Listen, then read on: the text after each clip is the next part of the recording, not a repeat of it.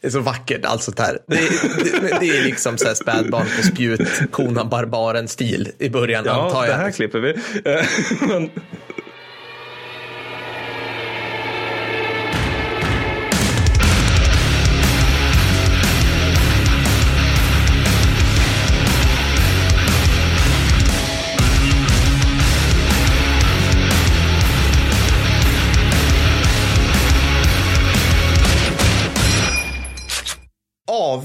kära lyssnare och eh, Pax Conradius på er alla, Ja. kära medborgare. Välkomna till Antikpodden. Vi ska nu oss tillbaka och prata oklara hästfolk, germaner, svärdsvingarna och annat som eh, Rom kallade för barbarer. Det här är viktigt, eller hur Mattis?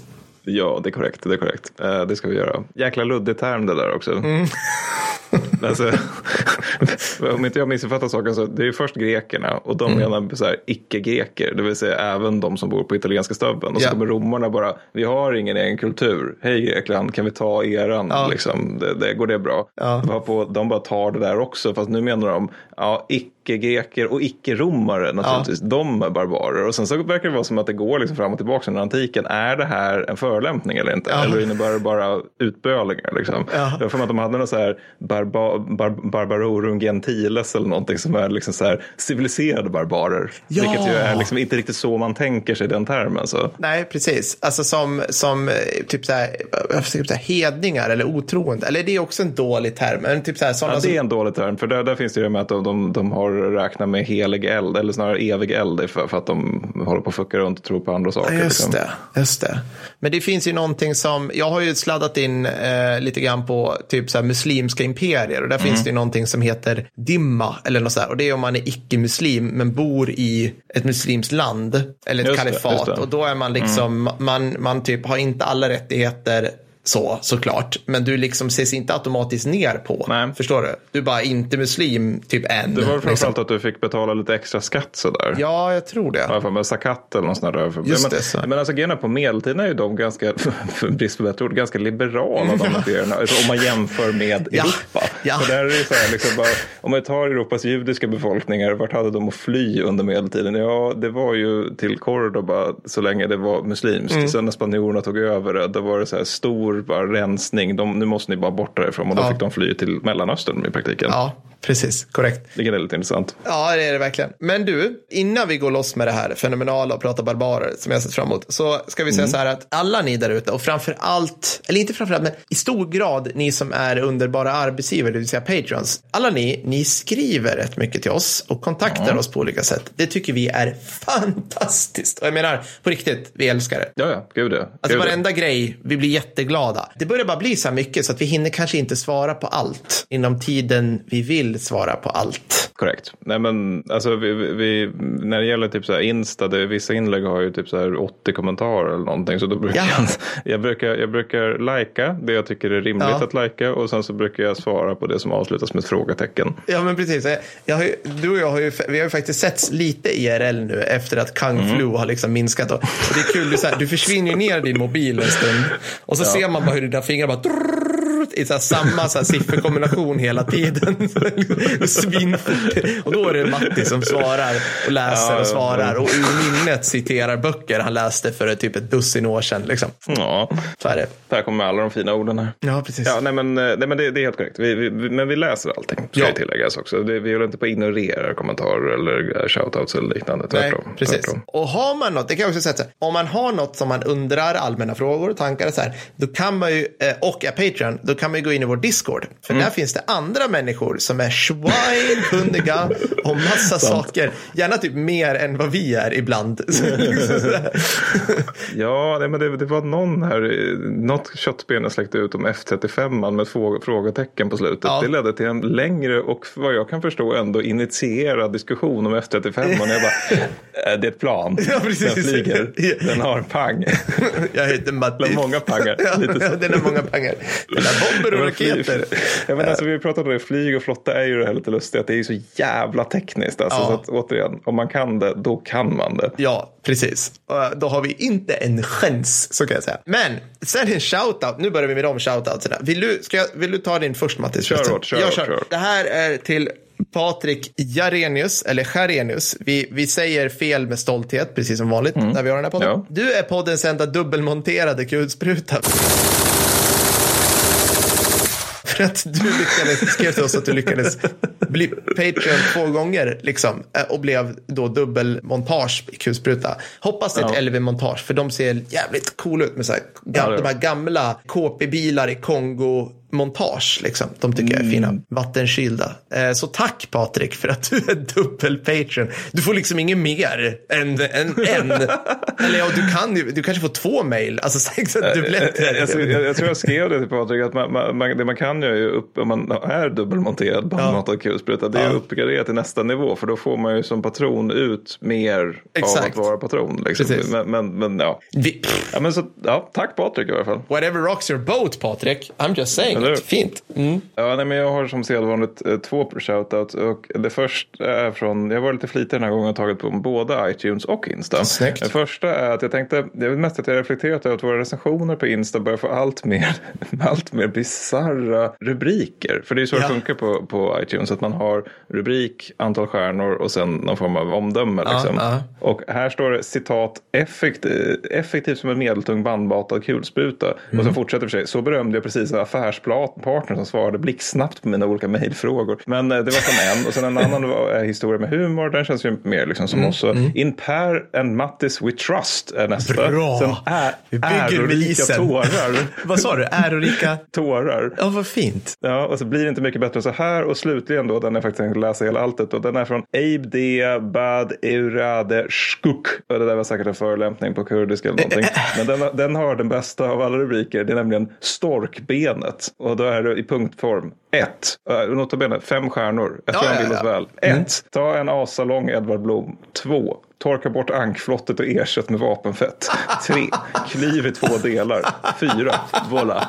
Jag, jag vet inte. Det där var ju bästa jag någonsin hört. jag ska tolka det här, men han ger oss fem stjärnor så det var Alltså, bra. Och jag, är sen- bara, jag är bara så lycklig över att någon har jämfört mig med mitt spirit animal Edvard Blom. Det är det enda jag kan säga hur nöjd jag är. Och vi, alltså, det här har vi faktiskt pratat om, nu outar jag det, att vi vill ju ha med Edvard i podden som pratar typ Mm. Ja. om så här, jag vet inte, ölkonsumtion under 30-åriga kriget. Eller så Ja, det här, vore nice. brännvin under andra världskriget. eller sådana där grejer. Så kan han inte bara, Jag har fått höra några gånger att jag ser ut som Edvard Blom, men, men en smal Edvard Blom förvisso. Ja, men kan det vara. det, ja, ja, du har bättre skägg. Jag tror du har bättre skäggväxt, Mattis. Ja, jag tror också det. Och inte lika lockig. Men, men sen andra var från Insta då. Det är från Malin som skriver. God eftermiddag. Vill bara slänga in lite pepp och säga att jag älskar ert tugg och era sidospår. Ni förklarar och argumenterar på ett sätt som antagligen underhåller både inbitna nördar på området militärhistoria slash försvarsmakt och amatörer som jag som av en slump ramlade in och nu har slagit läger i ett hörn. Sammanfattningsvis, tack för en grym podd. Allt ni lär mig och alla skatt. Fan, och det är kul. jättekul. För Ja. att det är alltid kul när vi liksom, för att då har vi på något sätt flera ben. Att vi Mm. har liksom dels en massa officerare och soldater som lyssnar på oss, dels en massa möpar Mm. och dels folk som kanske inte är från början jätteintresserade av krigshistoria. Men i egenskap av gammal lärare så tycker jag att det är jättekul när man lyckas göra folk intresserade av krigshistoria. Ja, genom att helt enkelt babbla om det. Mm. Ja. Så det är jätteroligt. Ja, jag, jag håller med. Jag, jag tycker det är eh, svinkul. Jag, jag, jag, får, jag har en slags, vad ska man säga, barometer lite grann i min, eh, bland gamla kompisar som hör av sig. Och då har jag, sen vi började, så har liksom fem stycken, eller be- bekanta och kompisar har liksom hört av sig och sagt att vi gör bra grejer. Och de fem är liksom olika med stort O. Alltså så. Och det, det tänker jag också är ett bra tecken. Mm, ja, Alla- alla de ja, tre, är liksom. Ja, De skulle önska helt olika, totalt radikalt olika avsnitt av oss. Så här ämnesavsnitt liksom. Men det skulle bara vara roligt liksom. Ja, det är fantastiskt. Ja. Men eh, då så, ska vi kasta oss in på det här med Roms fiender? Alltså jag älskar det här. Ja, det är det vi pratar om. Det är inte bara barbarer, de är faktiskt fiender till Rom. Ja, vi har tagit lite an olika, eller milt sagt olika. Det är på något sätt som vi har tagit de två extremerna av i, i liksom så civilisatorisk nivå. För att jag ska snacka om germanerna och du ska snacka om Sassanid-imperiet. Ja, så det är liksom två extremer Ja. här. Båda Ja. är Roms fiender för att det var så jävla stort och Ja. så jävla liksom, Jag höll expansivt. på länge. Alltså jag har ju mycket, jag har ju mycket Östrom. Liksom. Det är ju egentligen, eller det, jag ska inte säga att det är det, men liksom när, när delades Rom, Mattis? Det har väl du i huvudet? Ja, men det, det var 300-tal där någonstans. Ja, men precis. Så att Sassaniderna har bara funnits i hundra år. Och sen delades Rom och sen de bara "Mm, Konstantin! Ja, bra Eller om det nu var Konstantin som faktiskt delade upp det. Fan, det borde jag ha läst på det här borde vi läst på om. Usch. Ibland var det fyra delar också, men det var skitsamma. det var så stort att det var så svårt att kontrollera. Ja. Men innan vi kastar oss in i det ska jag förresten också bara en sista grej. Sen lovar jag att vi ska prata krigshistoria. Men det är att vi ska få be och eh, gratulera Peter Norlén på födelsedagen i Åh. efterskott. Grattis Peter i efterskott. För att Peter, din fru hörde av sig och frågade vänligt om vi, vi kunde göra det. Så grattis i efterskott på födelsedagen Peter. Grattis Peter.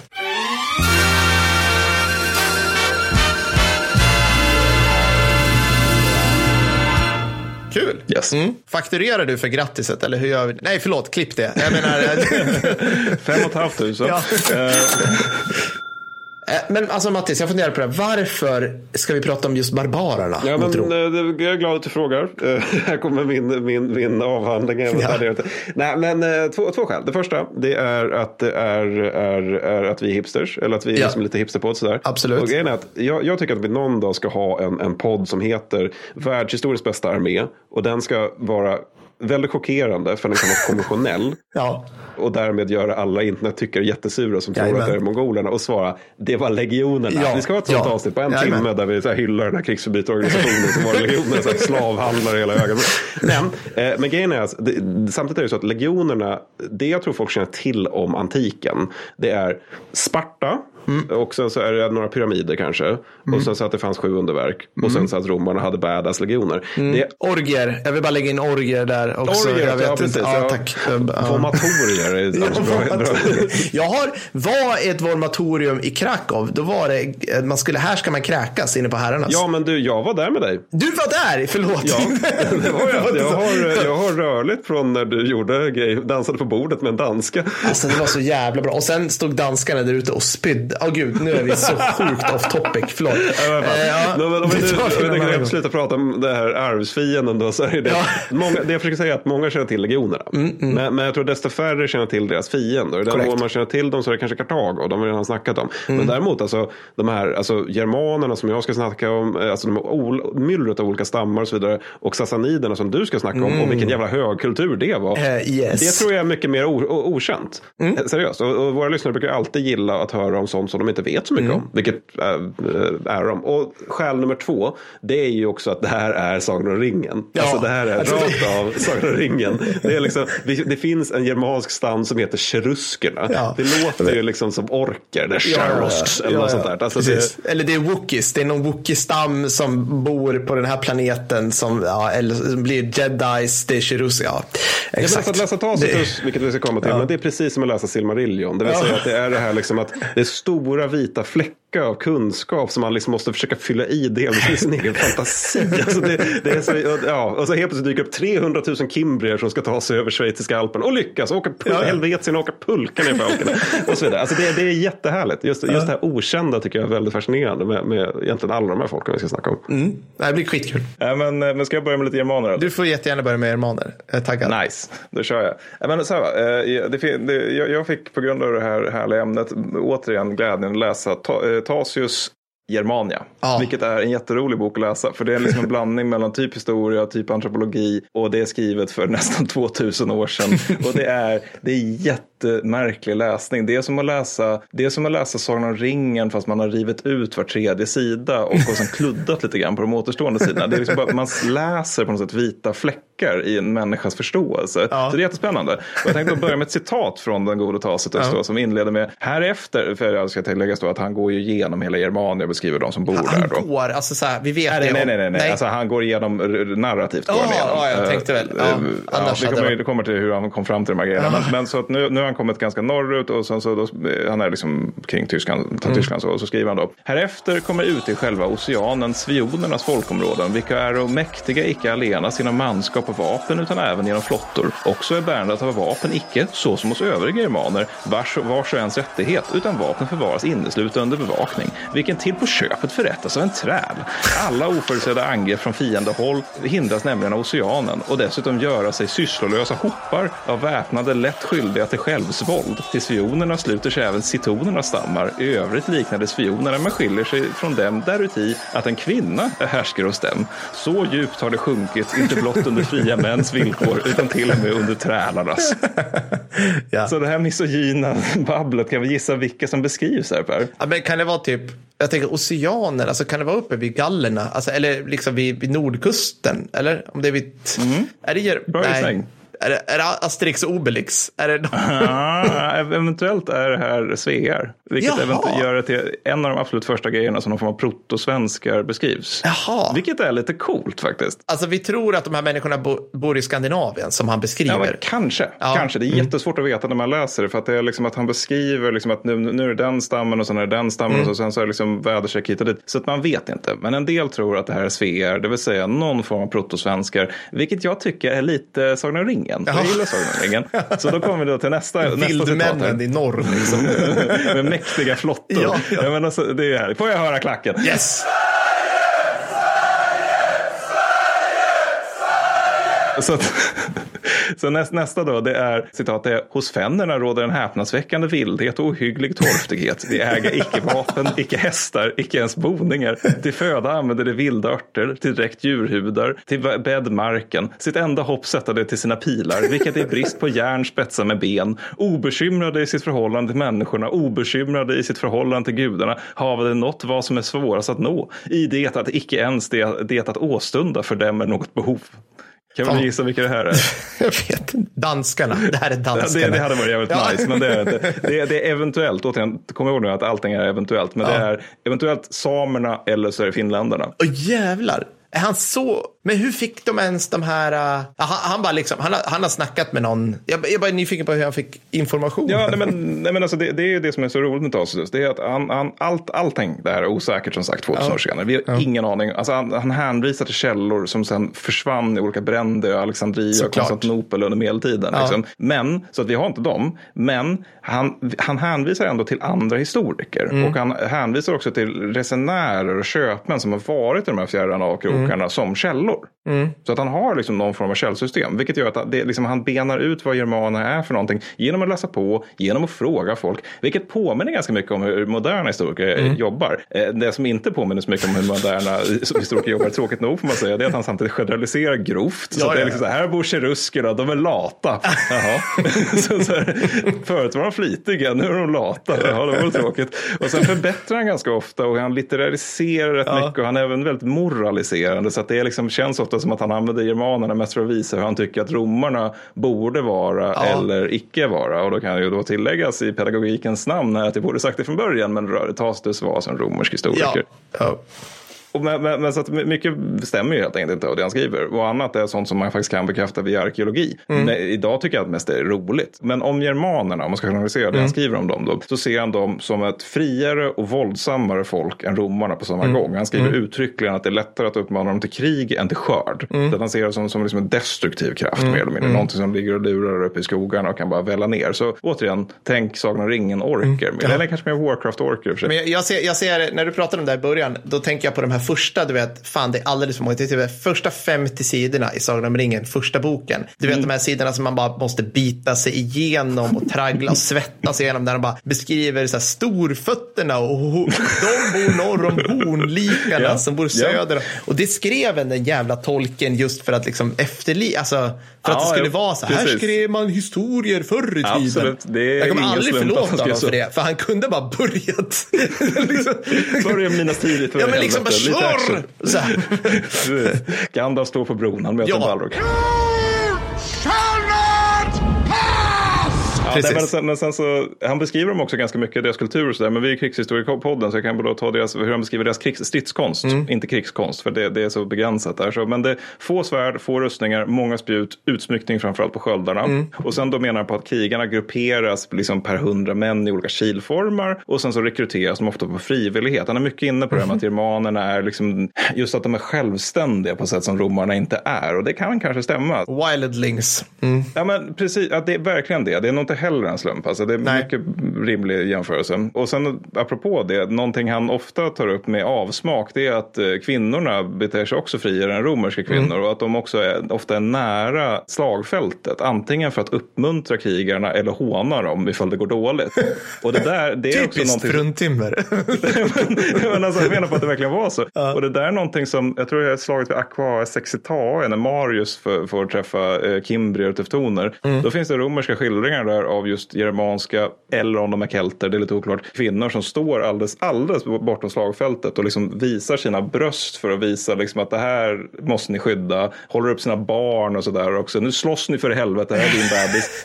och sen då när de har blivit tillfångatagna så tror jag så här 300 stycken eller någonting. Som, som istället då för att låta sig säljas till slavar enligt romarna själva Ja. tar sina liv och stry, alltså de stryper sig själva och dödar sina barn hellre än att bli slavar. Och det är Ja. väldigt hemskt. Romarna beskriver det här som jävligt awesome. De Ja, tycker att det här är fan vad tappra de var ändå som just besegrade och utplånade.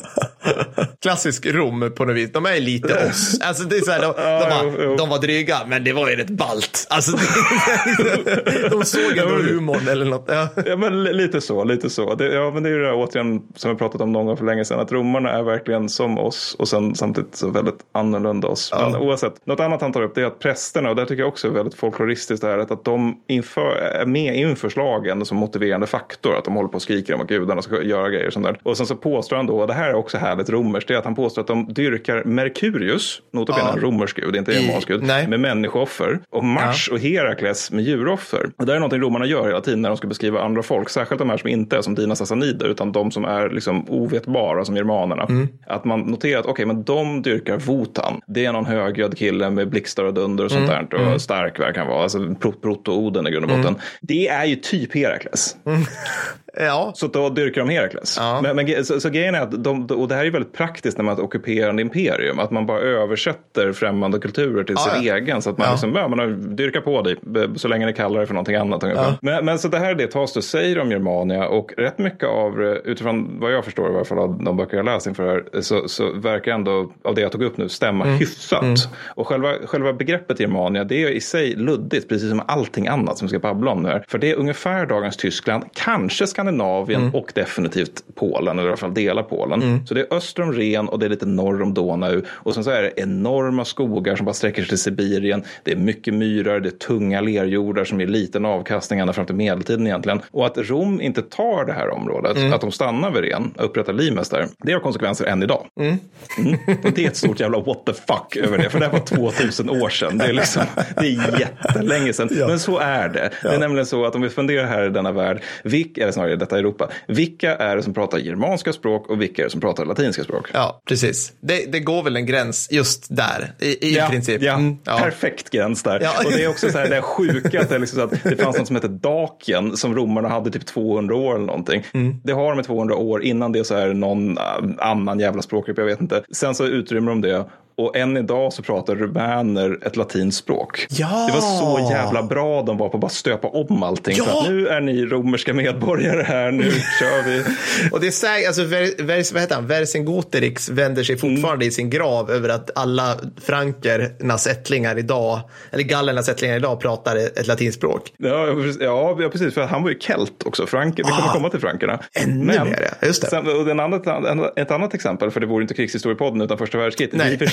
Tack, så används alltså germanska gravfynd som slagträ för att var man ska pla- placera den polsk-tyska gränsen. Det tycker jag är väldigt härligt. Det var fint. De var i kontakt med sin historia, det måste man ge dem. De är inte så Ja, historielösa ja, som alla ryggradslösa svenskar. Liksom. Nej. Nej, alltså, och det här är också, det här, det, man, jag försöker kalla man det här området Germana Mag, eh, Magna eller ibland Germana Libra kontra alltså det fria Germanien. Då. Men just det där är väldigt intressant för att det, det också gör, någon, gör Germanen lite svår att prata om. För att det är liksom lager på lager på lager på lager av ofta rakt av nationalistisk, eller gärna tysk nationalistisk då, forskning, som, som, eller forskning inom, inom eh, kaninöron så, som, Mm. som liksom försöker beskriva germanerna som någonting de nog inte var. För att alltså Mm. det här med vem som tillhörde vilket folk och så vidare på 1800-talet, det var en ganska big deal. Mm. Alltså än idag så är det så här gräl i forna Jugoslavien. Vilka av oss här nu ska få kalla sig för makedoner? Just det. Eftersom Alexander den store var ju makedonier. Jag säger, provinsen i Grekland eller landet Makedonien eller ner. Exakt ja. så. Exakt Jesus så. Och Christ. sen har vi sånt här som jag för mig att det är albanierna som gärna vill eh, liksom påvisa att de härstammar från illyrierna. Men återigen, det här är ju 2000 år sedan. Det är klart det inte funkar så. Det är alltså just den här delen av världen, det har liksom härar bara vältrat fram Ja, och tillbaka ja, sen, ja. sen illyriernas tid. Ja. Så det är nog så att folk har flyttat lite grann på sig. Det är naturligtvis samma grej med germanerna då. Men det är oavsett gör att det är lite svårt att prata om det eftersom det är, är så mycket politisering av specifikt germansk historia. Jag menar till exempel, varför inte Hitler eh, Mm. hade ju också sin syn då. Men romarnas syn på germanerna det är att de ses som väldigt storvuxna och det Mm. här handlar ju mycket om att eh, romarna var små knattar. De ses också som krigiska. Eh, roligt att det kom från romarna då naturligtvis. Sen ses de alltså rent kosmologiskt som människor som domineras mer av kropp än av sinne. Det vill säga att de är mycket närmare djuren.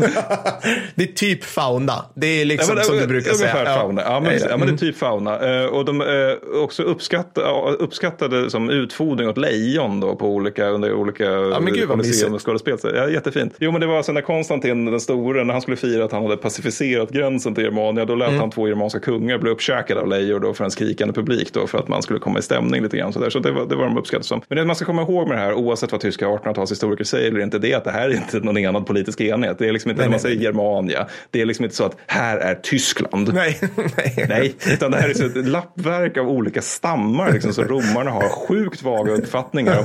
Som alla krigar mot varandra såklart. över tid. nästan. Liksom. Det Ja. Mm. kommer vi till. Absolut. Nej, men, men och grejen är att vi har ju ännu vagare uppfattningar om dem eftersom germanerna själva efterlämnar sig överhuvudtaget inga skrifter. Nej, hålla på och skriva. Alltså kom Ja, igen. men, Ja. d- Typ, men, också att, men det är också att de har ju typ runor och de skriver det på trä och de, de, det kanske inte just alla germaner Ah. kan skriva för att det är ganska länge så lever de under hudar. Mm. Och sen så är det också inte så, heller så att man egentligen ska se det ens som att Germania består av germaner utan det är mer som att det består av germaner och germanskt dominerade samhällen. Är du med? Mm. Japp. Det är en liten diskussion däremellan. Men, så det, men det som är gemensamt är att det är liknande språk, kultur och politik. Då, det vill säga, men sen också att de är mer primitiva än kelterna, vilket är gallerna och för mig britterna också. Mm. Men ju längre österut man går, desto enklare blir allting. Så liksom när arkeologerna håller på där med, med sin piff och puff-vetenskap, håller på att liksom, eh, hamstra, liksom för försöka få fram Ja. saker med mårdorspensel och hitta krukskärvor. Ju längre, när de är liksom, Dessa jävla krukskärvor. Alltså, Ja, gå hem. krukskärvor, pilspetsar och låga väggar. Det, Ja. det är fan det som är arkeologins Ja. fynd jämt. Det, det var coolare när de bara liksom sprängde fram pyramiden. Bara, Ja. oh ja! Skit i om det går sönder. Ja, vad fan, det ska bara fram. Ah, förlåt. Det ska ja, fram. okej. Mm. Nej, men, så, men, men, när man kommer liksom tillräckligt långt österut och fortfarande är germanier rent ar- arkeologiskt, då är liksom krukfunden så pass torftiga att de inte längre går att ka- kategorisera, utan Nej. det är bara så här, det här är ett kärl. Det finns ingen utsmyckning. Det Ja, finns... men jag älskar det, om du går tillbaka till det du sa i början, liksom, att så här, det, här folkslaget, de var lata. Eller typ, sa, de som vi tror är samerna och finnarna, de bara, de bara hänger runt. Alltså det är så sjukt att tänka sig att det finns så primitiva folk som någon annan kunde säga, kalla vara lat, med tanke på att de bodde typ ett norr om polcirkeln, två utan civilisationens, någon som helst. Hur lyckades man vara lat? Alltså, så, Ja, det var så- varje dag en kamp för existensen är, precis, det kan ju inte ha varit så. här. Man bara låg och drällde. Det är liksom inte så här någon söderhavsö. Nej, det, är Ja. en väldigt, väldigt bra poäng faktiskt. Jag bara, jag bara, här, jag bara kom att tänka på vad fan säger du människa? Liksom. Ja, men, nej, men det, det är faktiskt jävla sjukt att ta sig tusen.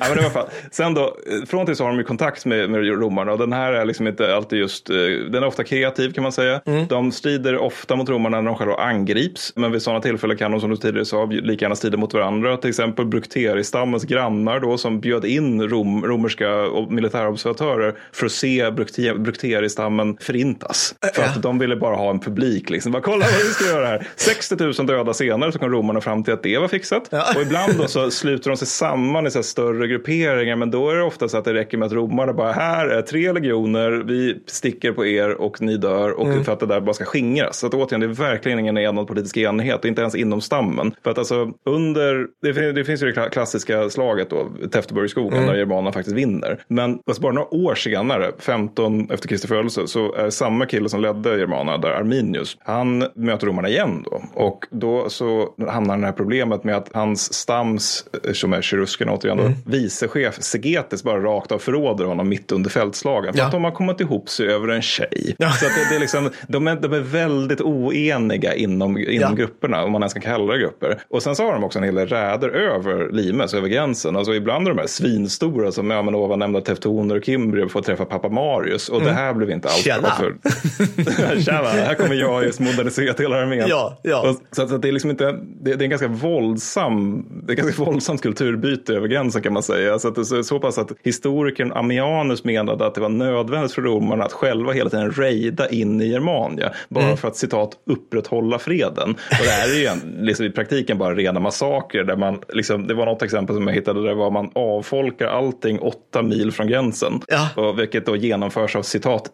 ivriga legionärer. Så det, det, är liksom, ja, det, det, är inte alltid bra. Det är så vackert, alltså där. Det, det, det är liksom så här spädbarn på spjut, konan barbaren-stil i början, ja, antar jag. det här klipper vi.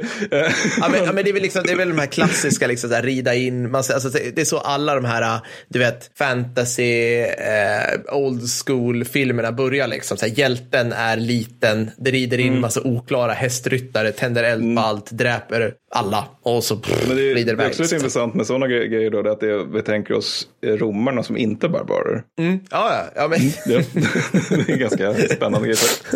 Men, men sen då när det gäller germanska krigskonsten då, om vi ska återkoppla till det, då är det liksom att det är länge sanslöst primitivt. Det är där, träsköldar, klubbor, mm. hudar, mm. spjut med benspetsar. Men sen kring 100 för Kristi födelse så börjar det hända saker. För att då är det att man börjar, liksom, när man gräver ut olika mossar och sånt där skit, då, då brukar man, börjar man hitta fler svärd och rustningar och mer komplicerat smide ändå. Men det här gäller liksom inte alla, utan de som har råd strider fortfarande eh, liksom kring Kristi födelse fortfarande nakna ifall de inte har några rustningar. Ja. Och det är ofta bättre än att ha på sig skitiga kläder, för att man får spjut i sig och får smutsiga tygfibrer i, i blodet så är det dåligt naturligtvis. Var det på riktigt därför? Alltså de, ja. de, tog av sig kläderna alltså innan ja, strid? jag hittade i alla fall två historiker som påstod att så var fallet. Jag kan dubbelkolla det. Men jag, Jävlar jag, ja. kick, alltså typ bara, bara ta av sig.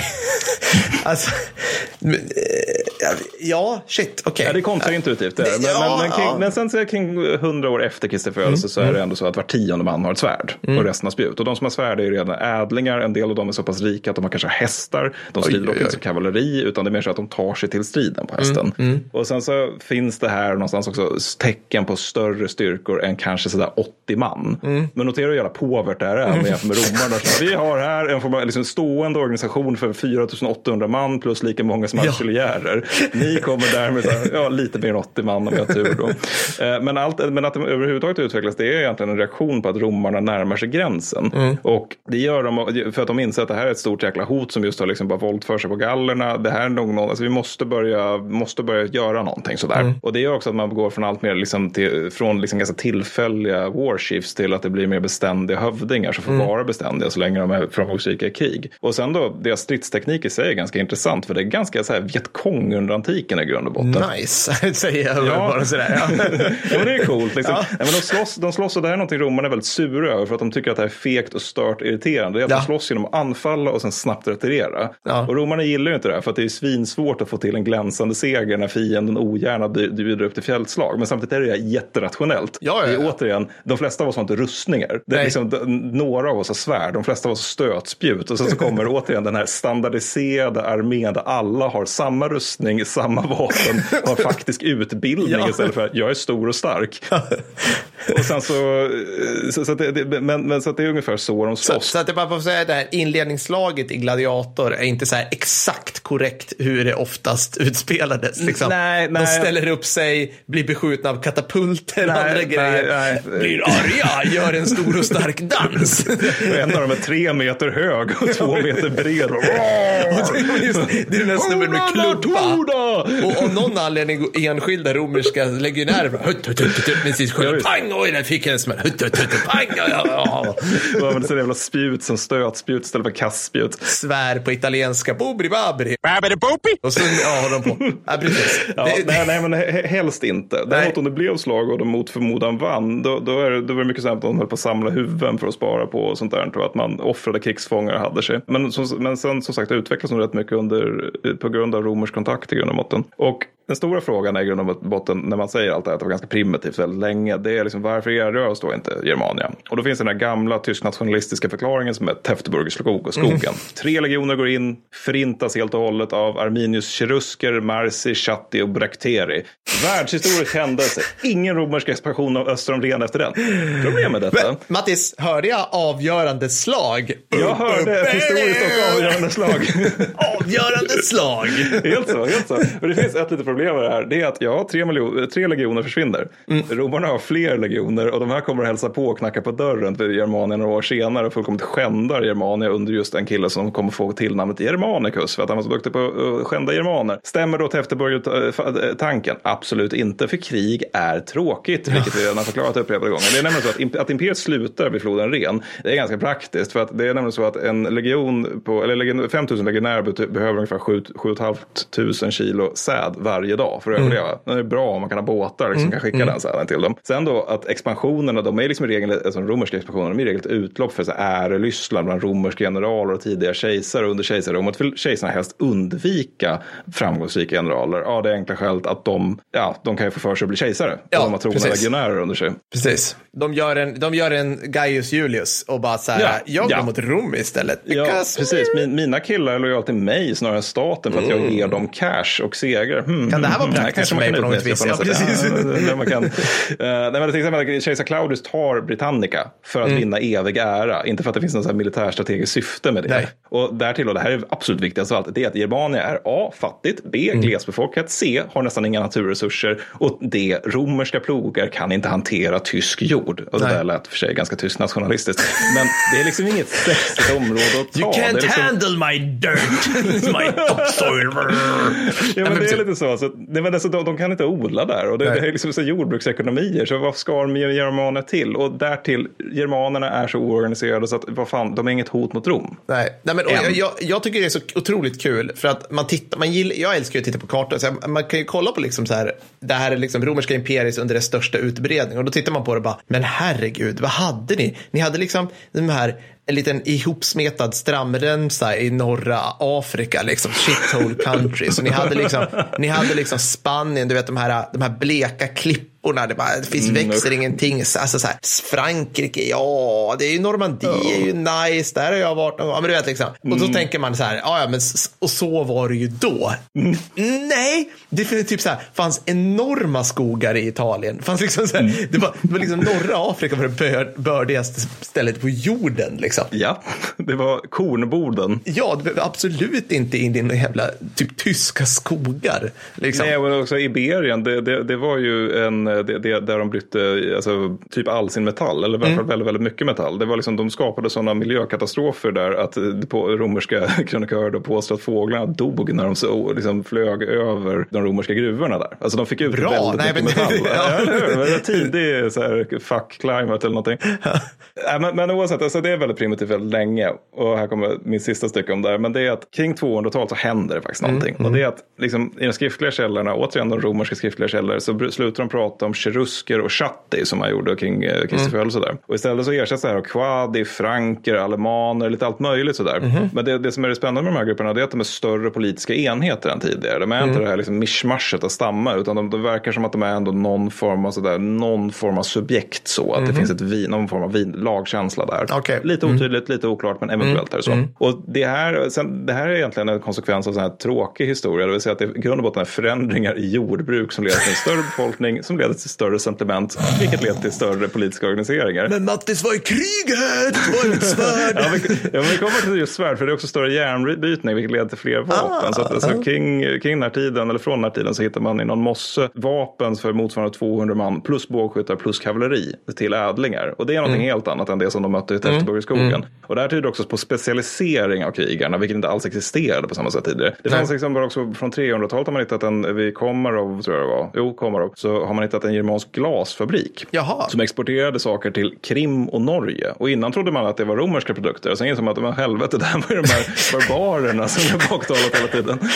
Och, eh, och det här är liksom väldigt mycket just influenserna från Rom som har lett det här utöver då jordbruksförändringarna. Det är alltså handel men också legoknektar till exempel då Arminius då som ju faktiskt var legoknekt i Rom. Och de som är och krigar för romarna de kommer ju hem till Germania sen ofta och de kan saker. Och har lärt sig lite ett och annat och sett typ akvedukter och vägar och mm, eh, mm. Och med så teknologi och idéer och sånt där. Ja, politisk organisering och hur man skulle kunna ha en officerskår och sånt där. All right, but apart from the sanitation, the medicine, education, wine, public order, irrigation, roads, a fresh water system and public health, what have the Romans ever done for us?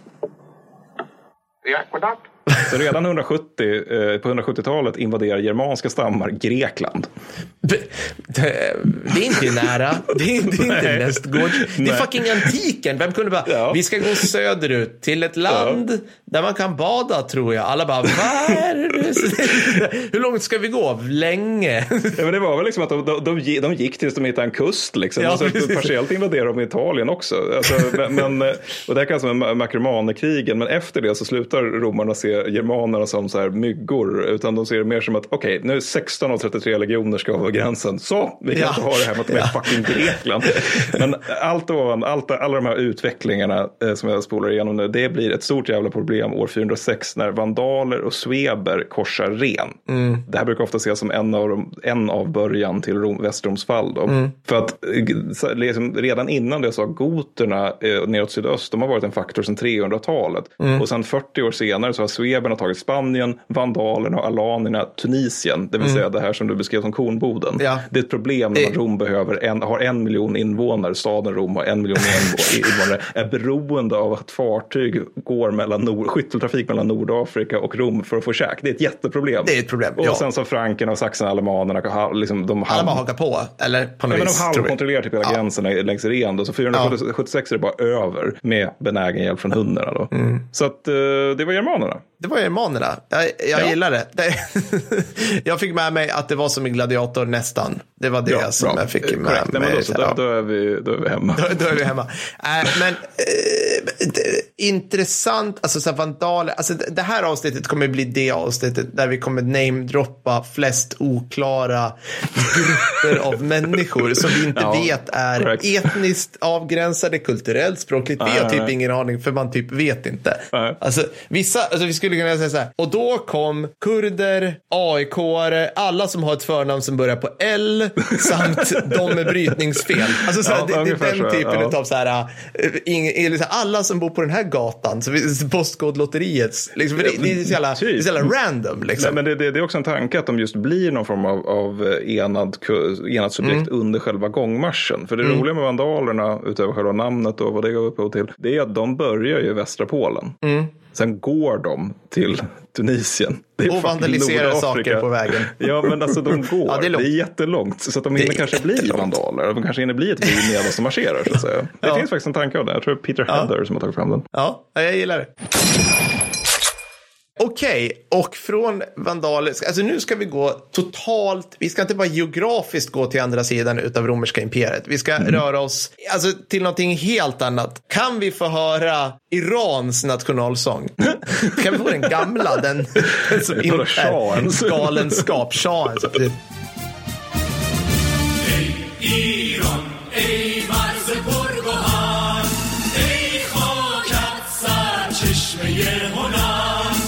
För nu, den har ni aldrig hört, det kan jag garantera er.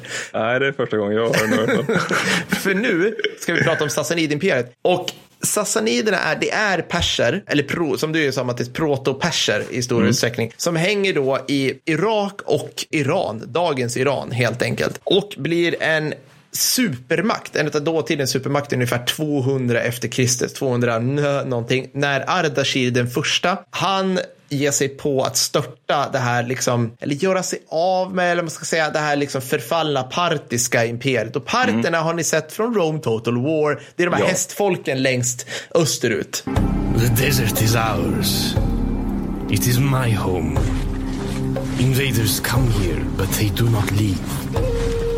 Skitstöriga att slåss mot också. Ja, eller hur? De har typ massa hästar och skit. Ja, Alltså katafrakter och sånt. Horse archers, jajamensan. Så vad ska man säga om det här? Ja, men det, det är alltså, det, det jag gillar är att det är sån, det är sån jävla imperie i sin tid. Alltså på något vis för att vi tänker så här, men det här var svinlänge sedan. De måste bara så här, vi uppfinner imperiet. Nej, nej, nej. Alltså de här ville återupprätta Arachme, Arachemid-imperiets så- glansdagar. Det. det var liksom 500 år innan det här. Ja. Alltså så att, så att häng med nu. Alltså det var alltså 300 år innan Kristus så fanns det Arachemid-imperiet och hade funnits liksom typ tusen år, fucking år innan det och var svinstort. Alltså det var liksom från Grekland till typ Indusfloden var det som störst. Och sen kom den här jävla Alexander den store och hans så här rullande svensexegäng och bara typ så här äh, välte det där om liksom. Så att, så att de här kom tillbaka. Och det är alltså, vi tänker oss liksom att, ja men det, vad hade det varit innan det? Nej, nej, alltså det hade varit så här storslagen arkitektur, konst, allting i det här området. För det här är fucking Mesopotamien.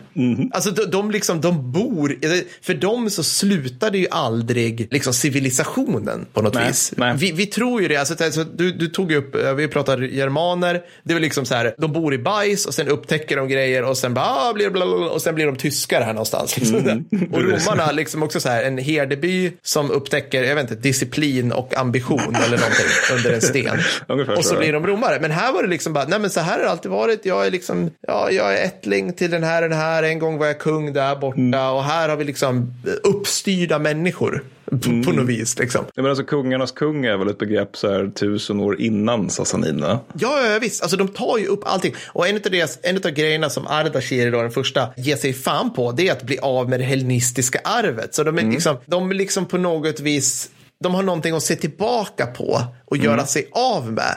Så det är lite så här, nu, blir det tröttsamt för nu kommer Hitler, men det är lite så här, hämnas Versaillesfreden. Ja, du vet, det. hämnas oförrätterna. Vi ska inte ha någon jävla Alexander den store i påverkan på våra ärorika perser som vi kallar oss här, eller farser, eller ja, men det, ju- ja, allt det där liksom. Så, vad där, okej, för, för dig som ska skriva om det här i plugget, du behöver veta två stycken kungar. Du behöver veta Ardashir den första som grundade hela skiten och du behöver veta Shapur den första som är hans son. För det Shapur gjorde sätter liksom benchmarken för hela Sassanid-imperiet och sen går det typ ut för. Han besegrar kejsar Valerian, alltså den romerska kejsar Valerian, sätter honom i fångläger. Valerian dör på något vis. Shapur stoppar upp honom, har honom i sitt så här, tronrum. Alltså stoppar upp som, som man gör med Ja, liksom, ja, de ett, ett fyller liksom, ja. Ja. Exakt, exakt. Som en jävla typ så här, utter som du har i en bokhylla. Stoppar upp Valerian halm, har honom stående i liksom sin, och sen för evigt, alltså säg hundratals år tills den jäveln möglar iväg, så pekar de på den Valerian när liksom romerska sändebud och ambassadörer kommer och bara aha.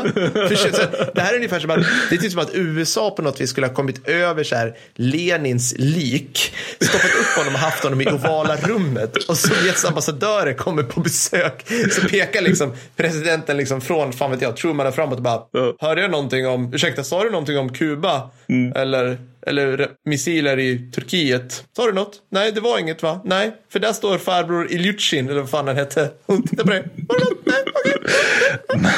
Men, men det är också med skillnaden då att USA skulle i så fall ha gjort så mot Sovjetunionen och Ryssland eh, i sig från Truman då i, i 70 år. Med, Medan det där är i hundratals år. Ja, för det ja, är alltid ja, så ja. det funkar under antiken. Att det är liksom, man gör saker i hundratals år tills det slutar det är fungera. så jävla länge. Så att, alltså, alltså, båda de här äh, håller på. Och det här är ju roligt för att Rom finns liksom till väster kan man säga. Och vi skulle ju tänka oss liksom, för att vi spelar alltid Rom och vi, Rom är alltid center i vår, liksom, att så här, det här är the shit för perserna. Och då- det är klart, alltså de är jobbiga liksom. De, de, fin, de, har, de har nice områden, de har romerska Syrien, de har liksom hamnarna i östra medelhavet, de har liksom Alexandria och det vill man väl typ ha. Men det var ju fanns mycket najsare att liksom skydda oss mot de vita hundarna som är så här ett oklart amorft hästfolk som börjar någonstans norr om Kaspiska havet och sen bara finns. Men du har också liksom En kontakt. svärm liksom. Mer En så. svärm, ja precis. Ja. Men, du, du, men det, det liksom Persson håller på med, det är ju att vara liksom BFFs med Kina. Är Just det det. här, och ha jättebra handel, ta över all handel i Indiska oceanen från romarna. För att romarna är bra på många saker, men det här med att åka båt, Nej, eh, nej. nej, Mm. det är liksom inte det. Och sen hänger de med, med indier mycket. Nej, Det där är så sanslöst fascinerande, för återigen Ja, att det här är 2000 år sedan. Och att man då bara, ja, men det är klart vi har kontakter med Kina och att liksom vi är typ lite Ja, ja. tjenis med kejsaren där. Det är väl inga konstigheter? Nej, och jag, jag kommer till det här. Alltså det, här det, det kommer mer grejer här. Så, men skit, det här är Kickstory-podden som du var inne på Mattis, inte antropologi-podden. Tyvärr ibland, men ja. Ja, ja. Så krigföring då? Man hade ju någonting, alltså så här, Sassaniderna bara ville skruva upp allting till 11, så man hade ju super heavy cavalry kallad. Det står det super heavy. Det är som, det är som en jävla red alert medeltid. Liksom. Just det, just det. Det, det är liksom, det är partiskt kavalleri på steroider. Det är alltså katafrakter som man hänger på mer rustning. Det är alltså, vi pratar helrustning på ryttare och häst på 300-talet. Men det är så att Hermann Göring får eh, designa en kavallerist. Typ så. Ja, ja. Alltså, det- hur mycket pansar kan vi hänga på de här snubbarna? Så om, ni, om ni tänker liksom, alltså det, det dröjer, fan vet jag, 500-600 år innan vi ens är uppe i liksom hel ringbrynjerustning på våra riddare i Europa. Och här är man liksom, man är way ahead of dem. Och det, liksom, systemet påminner på ett sätt om liksom, riddare, för att det, det krävs ju jävligt mycket för att utrusta en sån här. Det gjorde det då också. Men de är absolut, de, de är liksom, i och, med att, i och med att deras samhälle är rigitt och hierarkiskt på ett helt annat sätt så tar det liksom inte samma resurser. Det är inte den här jävla, jävligt oklara, du vet, vem utav mina fyllepolare kan dyka upp nu när vi Nej, ska så, slåss mot, du vet, i Lothringen eller du vet, Orianien eller vad fan det hette. Det, liksom, det, ja. Utan folk dyker upp för att det är oftast liksom, när man krigar så krigar man och då är det typ existentiellt. Så att, ja, jävligt coolt. Och då, det här är ju så jävla combat. Till skillnad mot våra jävla oskillade riddare, alltså de här du ser som åker på korståg och sånt där, så skulle de här katafraktriddarna, de skulle fan i mig kunna skjuta pil som en mongol och genomföra kavallerianfall som en bättre Det är, frank. det är ba- badass alltså. Alltså de hade all gear. Alltså de Ja, var ja. så här Call of Duty-karaktär. Liksom. Vi kallar de här elitsoldater. Ja, där, oh, mm, Ja, där för de fyller du alla roller. Liksom. De är Ja. kavalleri, tungt kavalleri, de är hästkavalleri, eller vad säger du, pilbågskavalleri. Ja, men det, det är så jävla coolt. Alltså, jag, jag hade ingen aning.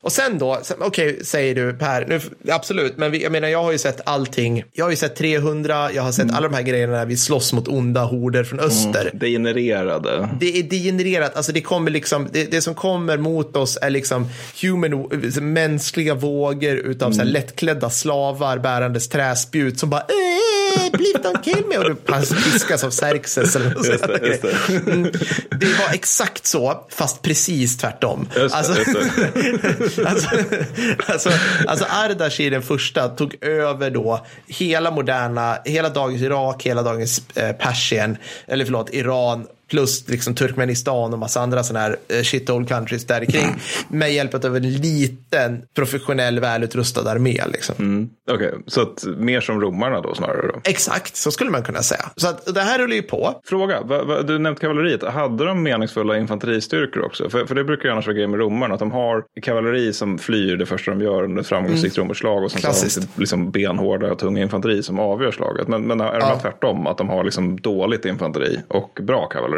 Nej, inte, inte särskilt, alltså inte, inte överdrivet dåligt infanteri. Alltså jag Nej, skulle säga, nej. men du har ju inte romerska legionärer. Det har Nej. du inte. Men du har, du har rätt professionellt och framförallt så dyker det upp liksom att du har de här, den här hårda kärnan utav eh, household guard, om du tänker dig Ja, ja, motsvarande. mm, Liksom. Mm. Sen, alltså imperiet, alltså, jag, vill, jag vill återigen höja blicken för det här är roligt. Du kan tänka dig det här imperiet det här. Press button to generate your random empire and start a game. För att alltså, det, det uppfyller liksom alla de här små fördomsfulla liksom, tick in the box som man tänker kring imperier. Alltså så här, 400 år fanns det. Inte för långt, inte för kort, lite lagom. Så här, mm, 400 år. Eh, För att, och en, en anledning till att jag tar upp det är att jag vet att det här med worldbuilding håller många på med. Man släpper sina worldbuilding, worldbuilding simulators. Det är en supernördig grej. Men eh, shoutout till alla ni rollspelare där ute som mig som har suttit och liksom funderat på världar. Så ni kan ta med det här nu från Sassaniderna. Slåss man mot nomadfolk, Mattis? Det måste ett imperie, ett ordentligt Självklart, imperium göra. ja, ja. Jajamensan. Vita hundra i norr. Det här olika så här, oklara gränslandskrigen. Oh ja, så där, oh ja. som- Och det är liksom gränsfort. Nu ska vi, alltså Sassaniderna byggde, nu ska vi se om jag, de byggde en mur från liksom, som går genom dagens Turkmenistan. Från liksom Kaspiska havets gräns. Den enda fortifikationen som är större än den, det är kinesiska muren. Just det. Så den är inte långt ifrån. Det och den var inte, absolut inte långt ifrån i liksom höjd eller äh, nej. Och det byggde nej, de nej. mot de här vita hundarna. Så att mycket check. Imponerande mycket check. check Ja, ja, Ja. ingen aning om. Ärkefiende av samma storlek? Frågetecken. Rom i väster? Check. Ja. Oklara slash exotiska folkslag och civilisationer österut? Jajamensan. Indierna och deras outtalbara statsbildningar som jag tänker på här. Indusflods inavel? Check. Ja. Och sen det här är viktigaste när man tittar på hela renlängden. Orimligt tvära kast mellan typ så här Per Albin Hansson-style-kungar å ena sidan och så Caligula på schack. Jajamensan. Alltså så här, det, det hör till. Alltså det, hör till. Men det kan, det kan liksom inte funnits någon, för vissa är så här, ja, jag börjar dagen med att så här, våldta 27 jungfruar, sen Ja. förklarar jag krig mot alla länder. eh, och, och, Sen lunch. Och liksom, sen, bränner jag, sen tar jag lunch, quick lunch, och sen bränner jag ner huvudstaden, rider ut i öknen medan jag liksom så här masturberar och mediterar i fyra dygn, det. rider tillbaka, bränner alla sädesslag. så här. Och sen bara, sen, ja, sen är jag inte kung mer och sen kommer den andra snubben in och typ uppfinn, uppfinner liberalism, bjuder in judar för att ha så här symposium kring idéer, tar dit, så här, tar dit Men- men gjorde de det på riktigt, alltså? Ja, ja, alltså de, Jaha, vad det, fan vad det fanns intressant, så här otroliga, alltså, du hade sådana otroliga lärdomscenter Mm. i Sassanid-imperiet som var helt otroliga. De, de, hade, de hade universitet med 30 000 Men herrejävlar. studenter. Men vadå, det är ju som ett modernt svenskt universitet. Eller det är mer för helvete. Det, det är ju... Ja, och det var fan ingen Södertörn-utbildning där kan du ge dig fan. Boom, fick det. Nej, Ingen Harry Potter-vetenskap här inte. Nej, precis. Det var jävligt lite postmodernism eh, i Grubersjövabad, eller vad det heter, den här universitetsstaden. Åh herregud. Nej, ja. men, Så att, jävligt coolt. Sen eh, skiter det sig. Och det skiter sig. Och det, det, alltså så här, efter en lång tid av förfall på grund av en herrejösses massa anledningar, för kriget tråkigt och det imperiebyggande också, så blev de liksom steamrollade av den muslimska erövringen på 1600-talet. Det vill säga de arabnomader som sassaniderna hade behandlat som typ så här kameler, fauna, sämre boskapsdjur i sådär 500 år. Alltså för att arabiska halvön är och var inte bara ett shithole country utan typ en eh, eh, mänsklig misäröken. Alltså du ska inte bo där för att det är bara varmt, det finns inget vatten, det är typ skit. Liksom. Nej, men det, det var, men var, var de kanske lite grann som liksom sassanidernas svar på romarnas germaner? Alltså att det är det här liksom lite oklara folken som man behandlar, behandlar ganska illa, ända som helt plötsligt enar sig. Jag bara, oj, nu tänkte vi, nu tänkte vi komma och göra lite grejer här. Det är något sånt är det. Alltså jag har, det här har jag inte gått in i. Jag, det skulle faktiskt vara lite intressant. Men de spöar ju en av världens två supermakter vid den här tiden. Alltså som, okej, som var på dekis, precis som var inne på Rom. Men det var ju fortfarande liksom, fanns det jävligt feta grejer fortfarande liksom.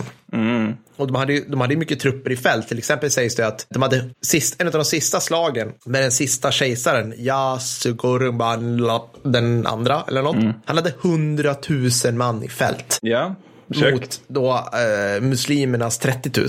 Men, eh, men araberna vann på ett väldigt mongolskt sätt. Ja. Att de, eh, de lockade ut hela den här jättearmén att förfölja dem. Ja. Och sen slog de på dem så här i en klyfta liksom, eller i en ravin. Så red de, anordnade de ett bakhåll. Ett jävla eldöverfall. Men vad gjorde då den här kejsaren? Ja, han dog. Eh, Han blev tillfångatagen och dödad. Men hans son flydde till Kina, Mattis.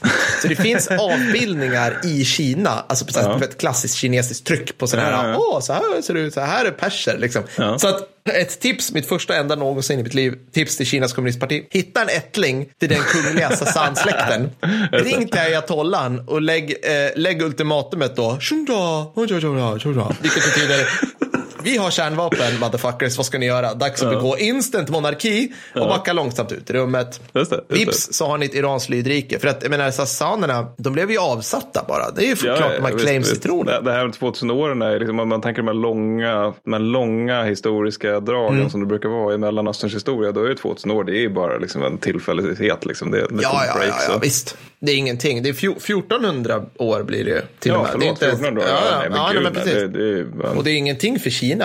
Det, är liksom, det var ju så här igår, typ. Ja, det låter som ett bra tips till, till, eh, till Folkets befrielsearmé och kinesiska kommunistpartiet. Men det, jag får väl säga Folkets befrielsearmé för jag tycker det är så roligt term. Liksom, det är ju mots, motsatsen till vad ni är. Men Ja, varför ja. inte? Folkets befrielsearmés flotta tycker jag också är bra.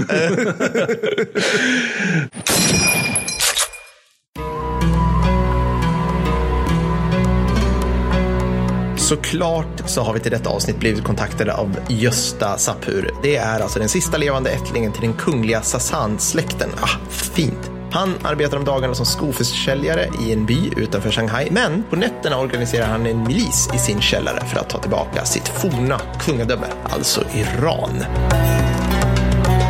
Det här är där du, kära lyssnare, kommer in. För i utbyte mot din hjälp i detta äventyr kommer du förlänas med hederstiteln Anshvar, alltså persisk adel. Och du kommer få basa över en bit av kungadömet som Göstas vasall. Mm. Mattis, du ska väl bli greve över en del av Teheran, va? Jajamän. Ja, fint ser du. Allt du behöver göra, kära lyssnare, är att lära dig persiska, resa till Kina, gärna med smugglandes ett gäng svärd, för Gösta vill göra det här på traditionellt sätt, samt eh, ta med egna sängkläder till Göstas hus, så att ja, du kan sova. Ja, det blir toppen. Vi syns där.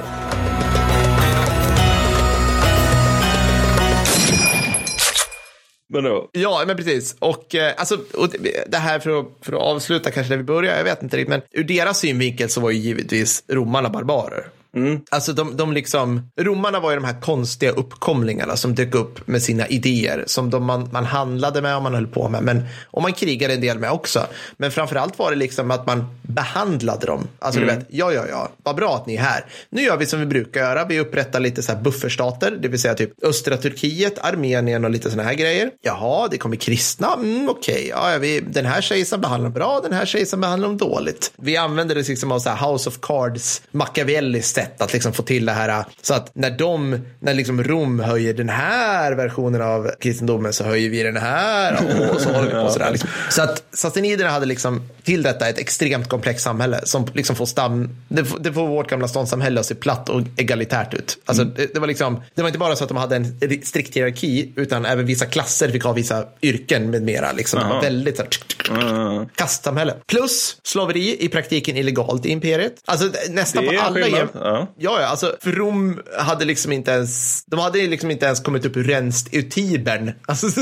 utan slavar. Liksom, de hade kommit upp ur dalen knappt. Liksom. ja, ja. Alltså, nästan alla jämförbara Matrix, eller Metrix, så ligger sassaniderna Framstår som här. lite mer civiliserad och sådär. Eller? Oh ja, mycket. Alltså, jag minns att eh, när jag hade, för länge sedan när jag hade min stora Rom-era, då, då, då minns jag att jag läste någon bok om, om, om just krigen mellan sassaniderna och romarna. Och att det var, för Rom var det ett av de stora, menar den här författaren, då, var, var, för, för Rom var det här en av de stora traumorna. Det här med att man för första gången på extremt länge hade ett krig. Och sen blev det en fred där romarna var tvungna att behandla den andra som man just hade slagits mot som en jämbördig part. exakt. För, för att innan det så hade det varit så här att Rom har inte freder med folk som inte är krossade. Alltså de, de kör Kartago, de kör gallerna, de kör över makedonierna. Det, det, är liksom, det, det, det är inte freder, det är diktat. Där romarna beskriver hur mycket de ska ta i form av landområde, slavar från befolkningen och eh, guld. Liksom. Och så kommer sassaniderna och bara, fuck, vi blev just av med Syrien. Fuck, vi kan inte ta tillbaka det. Fuck, det finns ett fredsfördrag som där det står uttryckligen. Ja men exakt. Alltså, jag gillar det här att de är två, att man tänker sig att här, två stycken fucking supermakter under antiken. Där romarna är nästan provinsiella för att de är liksom där borta i det så här förvildade Europa. Medan vi finns ju här. Alltså, Mm. Ja, just det. Eufrat och Tigris är här. Kina där Indus, borta. fucking silkesvägen. Alltså, Ki, alltså, d- d- bara det här tycker jag är mindblown. Kina och sassaniderna hade alltså väl utarbetade handelsavtal där de liksom inte bara handlade med varandra utan de, liksom, de upprättade gemensamma posteringar längs vägen för att upprätthålla vägens status. Alltså de, det, det, var ja. svinseriöst. Det är liksom sådana grejer som typ så här, men vad fan den här bron som de håller på att bygga nu i typ 25 år mellan Ryssland och Kina. Alltså så- som, som bara har fallerat på PGA, liksom galopperande korruption, liksom alkoholiserade analfabeter. Vodka. Ryssland, LOL, Kina, oklart liksom. Alltså det kunde ju bättre för 2000 år sedan. Det är, Ja, det är helt fantastiskt. Låt höra Irans nationalsång igen.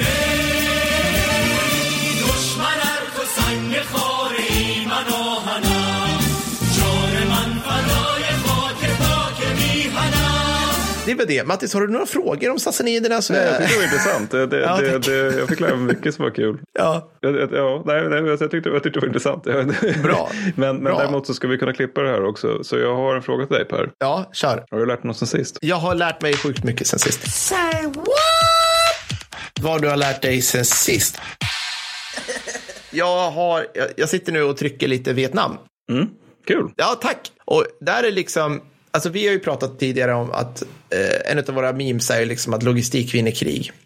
Och det stämmer ju, men liksom, då tänker vi så här att då borde ju USA ha vunnit Vietnamkriget för att de fick dit så mycket gear. Och då tycker jag det är kul att tänka på typ så här, inför Tet-offensiven, då tog det, alltså om du skulle ha en GRK-granat, då, satt, alltså, då, bygg, då, liksom, då byggdes den ihop i typ en byfabrik I Nordvietnam då? Ja. Mm. i Nordvietnam. Sen bars den på ryggar, alternativt cykelstyren, genom djungel i typ fyra månader. För att den var tvungen att stanna ofta, PGA-flyganfall och PGA, man, man, man liksom high-fivade varandra och stafettade vidare. Liksom. Och att djungel är fucking livs, livsfarligt. Ja, ja, oh ja, oh ja. Alltså så här, och liksom, kanske flera stycken bara dog. Men den här granaten skulle fram. Sen när man är inne i Sydvietnam, då smugglas den. Och då pratar vi att den, alltså, den kan smugglas alltså i skolflickors ryggsäckar.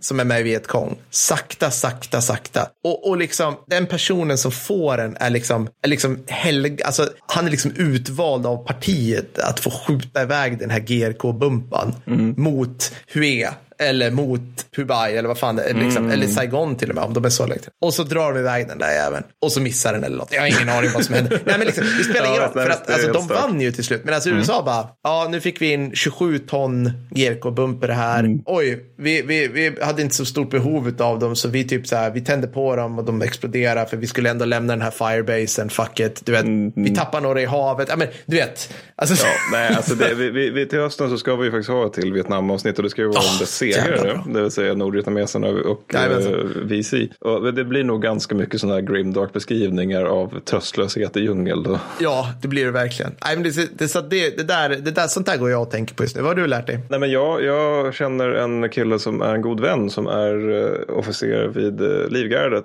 Och Mm. han, även han är intresserad av historia. Jag vill minnas att han till och med är patron. Mycket bra. det vill säga arbetsgivare. Så att han berättade då, det var lite tråkigt för att jag smsade honom för att fråga om det här stämde eller inte. Men han berättade då för ett tag sedan att Livgardet var tydligen det förband i Sverige som längst hade bara adliga officerare.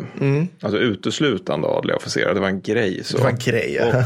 Och när han berättade det förra gången med några öl innanför västen, då, då så sa han att det, det var typ så här 1935 eller någonting som den första ofrälse officeren dök upp. Men sen, sen dubbelkollade jag med honom och då, så, sa, nu, så, då skrev han att det var eh, sent 1800-tal. Men skitsamma, är jättesent. Men även på den tiden när det bara var adliga officerare, då hade de ändå sådär liksom att fan, medicinska revolutionen har kommit, vi måste ju ha en läkare också här på, på gardet. Liksom. Och han är ju ändå liksom läkare, läkare, så han måste väl kanske också vara officer då. Ja. Det, det ser illa ut om han bara är basse, liksom. annars kommer han får ingen lön och sådär i så fall. Så det man gör då, det är att man har en läkare och sen så står det bredvid hans namn i rullorna, inom parentes, adlas vid krig. det tycker jag är väldigt bra. Perfekt. Jag gillar det. Men du, frå- du frågade i avsnitt 37, var har försvarsvänstern tagit vägen? Jag undrar, vad fan har adelshögern tagit över Ja. äh, vägen? Det Ja. var ju rolig höger. Ja, Punschglansig. men var vart är de någonstans? Precis, Ja. vart fan är de? Nej, de är, Men, men. Ja, de är fullt upptagna med sina mansions i, i södra Frankrike, höll jag på att säga. Jag vet inte. Ja. Shoppingresor i Dubai. Vad fan gör alla adliga nu för tiden? Ingen aning. Gött Mattis! Kul att vara lite på antiken igen. Jag tycker det är fantastiskt. Du, eh, vad i helsike ska vi göra nästa gång? Berätta för mig. Ja, nästa gång var väl ett extra avsnitt om jag inte missminner mig. Och, Just det, just det, just det. Det var ju en sjuhelvetes massa krig där med dansk-tyska kriget. Så massa gubbar också. Men nästa ordinarie avsnitt är Då ska vi ta upp att Sverige aldrig har varit fucking naiva. Alltså aldrig. Mm. Vi, det, det, ja, ni får suga lite på den. Jag tror ni kommer gilla den. det kommer bli roligt. Det kommer Vi bli så kommer få arg- jävla arga mejl. Ja, det kommer bli så mycket, äntligen kan vi göra folk lite arga genom att medvetet missförstå vissa saker. Jag tycker det är fantastiskt roligt. Nej, men ni, ni kommer, ni, ni, eh, det kommer bli gött. Det kommer bli, det kommer Ja. bli, det kommer bli storsvenskt och det kan vi inte Ja, få för det mycket av. Det kommer bli. Så Kan vi få höra klacken en gång till? Mm, tack. Bra, Mattis, vi hörs snart. Ja, det gör vi. Ha det bra. Ha det gött. Hej då. Hej.